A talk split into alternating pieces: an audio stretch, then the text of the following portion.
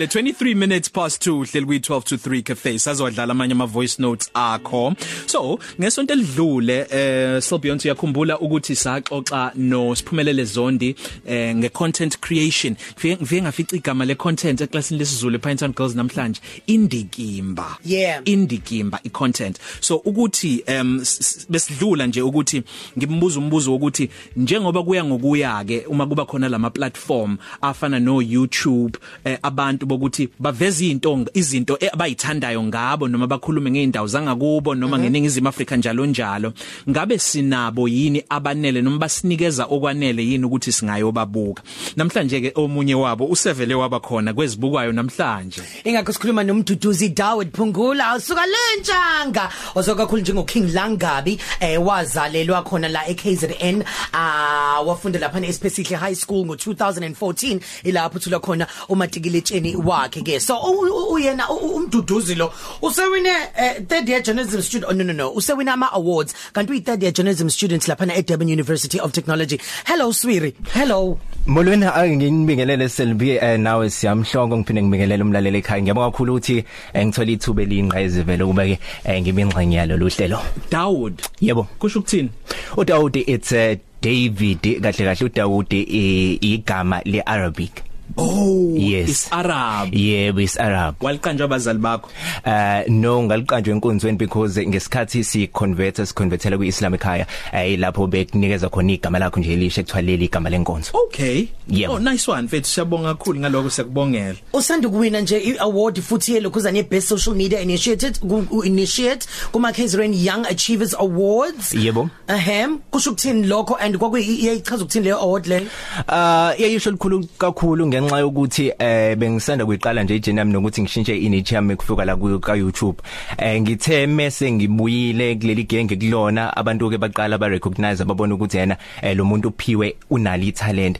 Ngathi ngibizwa lapha kuma awards kwathiwa yena eh ngingomunye wabantu abanominated kwangithokozisa kakhulu okusho ukuthi ke eh kumele ngiqhubeke ngisebenze ngokuzikhandla ngoba khona abantu abayibonayo lento engiyenzayo ukuthi namandla. Nice isikhathi esiningi ngibuka eh, unama followers amangaki manje ku ku ku ku- ku ku YouTube ku YouTube page lakho Ah ngina ma followers angu 29000. 29000 Wow. 29,000. ulivule nini ikhasi lakho la YouTube Ah ikhasi lami la YouTube ngalivula kudala ngonyaka 2017 kodwa ngiqale ukuthi ngibe nama subs ngiqale ukuba nama subscribers amaningi eh ngoMarch sengiqala ukuthi ngibe serious because bengakafiki ngisho na ku 1000 subscribers. so ngolwazi lwami ukukhulisa eh, isibalo sabantu abasubscribeayo kulama platforms njengo YouTube u- ubane kumele ubekezele uloku u- ufaka umsebenzi ubekezele Impela. ufaka ufaka ekugcineni bengokuya kokhula bekhula. Kodwa futhi likhona olunye uhlangothi lokuthi akube khona istunt esithile osenzayo Yeah. esivele siheha abantu. Mina nje uTroy Sivan ngoba ngangivele ngimazi njengomuntu actayo mhla enza i-coming out video yakhe ngo2012 iloko kwavele kwenza igidigidi zabantu zavele zaqala lapho zamlandela.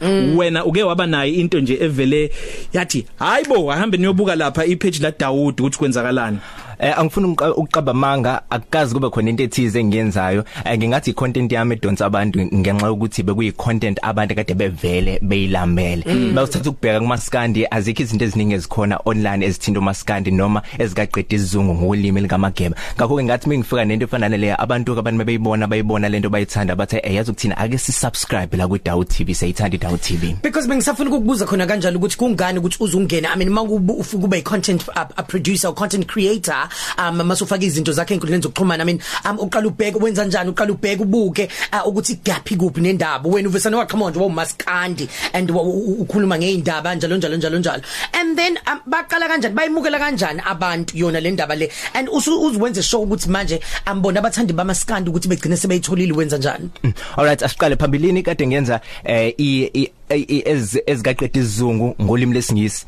Eh ngaba nenkinga ye YouTube channel yami i Dawu TV en- yavalwa kwamele ngivule nge mase ngizama ukuthi ngibuye egamini abantu sebebaninga abantu abakhona abenza lento efana nale ngiyenzayo.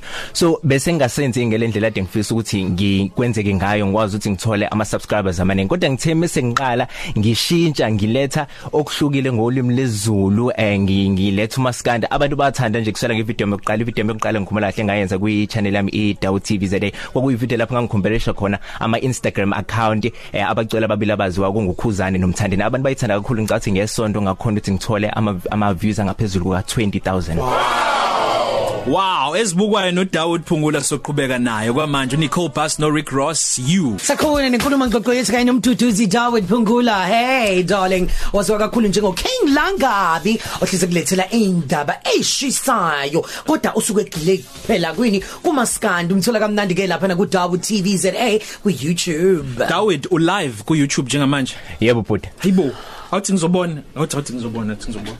Ngiyakwazi. Oh wow, sanibona. Yeah.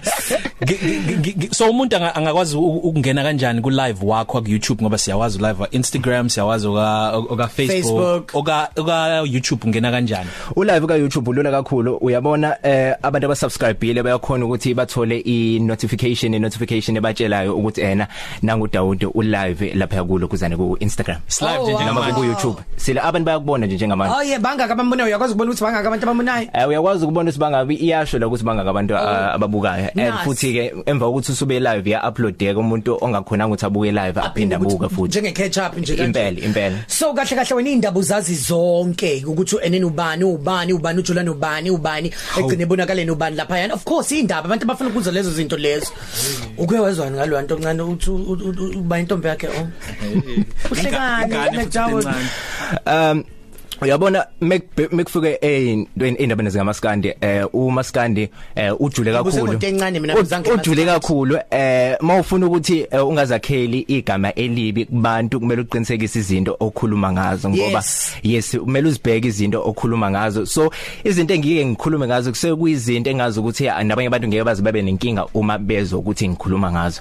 So akusiwo umgosi gosi akusiwo umgosi gosi ngingasho ukuthi kahle kahle ngiyaliphotha ngitshela abantu ukuthi kahle kahle yini eyenzekayo So Dawood eh, uzo- uzobanikeza abantu abanama page aba abanamakhasaba ka YouTube ama tip akusizayo wena omunye nje mhlawumbe akazi ukuthi kungenwa kanjani live ku YouTube mhlawumbe ungabe uwacabanga lawo ama tip ongamtshela wona Okay. loyo muntu Okay. kodwa ngifuna ukubuza la ukuthi ya usiphumelele weza wazositshela ukuthi uyakwazi ukwenza imali sekukhona nalenenye platform igama layo ngiyalikhohlwa njengamanje TikTok. yebo TikTok Impela. nazonke u- u- uyaphuthuma uyenza kanjani imali ubaheha kangakanani abantu ukuthi eh, ama advertisers ukuthi bazo investa kuwena njengomuntu one onendikimba ekwazi ukuheha abanye abantu.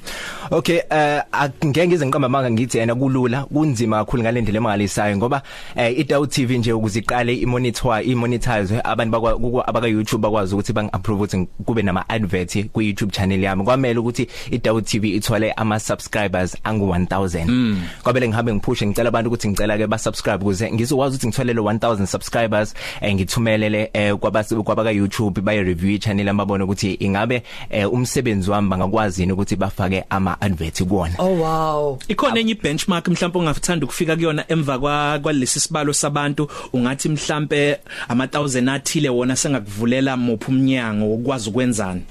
Um 100000 100000 subscribers. Ngisho nabaka YouTube basuke eh, sebe recognize kakhulu ngendlela yokuthi eh, umuntu okwazi ukuthi afike lapha ku 100000 subscribers. Kuba khona i plaque okusandonda bakunikeza kona bethi cha eh, siyabonga ngomsebenzi wakho omuhle owenzayo. So ngiyacabanga ukuthi mengafika lapha eh, ku 100k mengaphela unyaka nje abantu be subscribe lapha ku Daw TV ZA ngikwazi ukuthi ngifike lapha ku 100000 subscribers kulonyaka ngathokoza kakhulu. Hey siyavelelwa umuntu eh wela sivelelwa kodwa kubuye kucike nje umuntu ngoba phela ulindele ukuthi wena uzothola lento athi uzokhuluma ngayo. Kancane kancane ungakhohlwa ukulike bese uyasubscribe. Kancane kancane ungakhohlwa ukulike bese uyasubscribe hawu bantu baka YouTube indlela esiphusha ngayo nathi.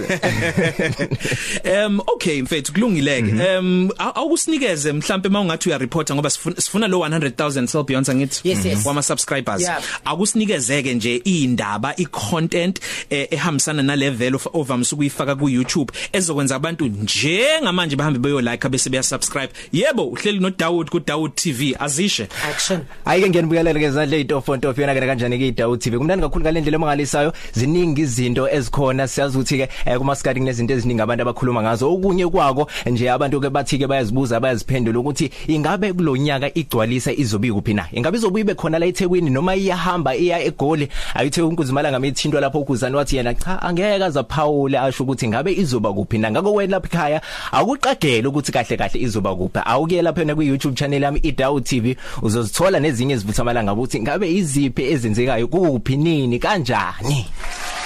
Lithini phela ipage? Batshele la ka la ka YouTube. Ekhasi lami la ka YouTube it's Daud TV ZA mawubheka lapha Daud TV imina oqala nje umene uvela aqhamuka nje eqaleni mawuthi nje Daud TV ZA kuvela eqhamuka mina memfa. Abantu abacindezele lapha usubscribe bangasabi. Sesivala nje la uma tips esikubusa besiwathi misile Alright sesivala eh okubaleka kakhulu uma ufuna ukuthi ke abantu bawazi umsebenzi wakho ku YouTube kumele ube consistent kumele uqinisekise ukuba njalo uhlezi abantu ba update ukhumbule ukuthi ke yize noma kulula ukuthi umuntu asubscribe kepha umuntu kumele awuthande umsebenzi wakhe adimebuka umsebenzi wakho abone ukuthi lo muntu lo athi ngisubscribe ngoba kusho ukuthi ziningi izinto azokwazi ukuthi angenzele zona. So uqinisekise ukuba consistent and uyithande into oyenzayo. Eh ungali futhi nabantu uzwane namaya amalokuzana ama YouTubers ucela ulwazi kubantu ubuze ukuthi hey Daud mangifuna ukwenza into ukuthi ngenza njani? uDaud uzokuchazela ukuthi wenza uABC ungathi mawusufika usufuna ukwakha izitha ngoba phela naku kuzo kwabanye ukuthi yena mawakha izitha usukusukwazi ukuthi uzakhele igama. Mm awuboni mhlambe sesivalelisa kungakwakhela ugange ukuthi mhlambe kunabantu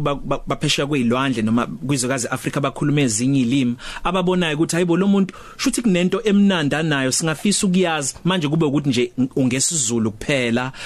Singayilungisa kanjani leyo mayingakwazi ukulunga? Hayi inkinga elula kakhulu leyo ngoba zikhona nezinye izinto ukuthi mawuyibukela uthola ukuthi awu understand kepha ngenxa ukuthi kukhona ama subtitles uyakhona ukuthi uze uthi kwenzakalani. Ah.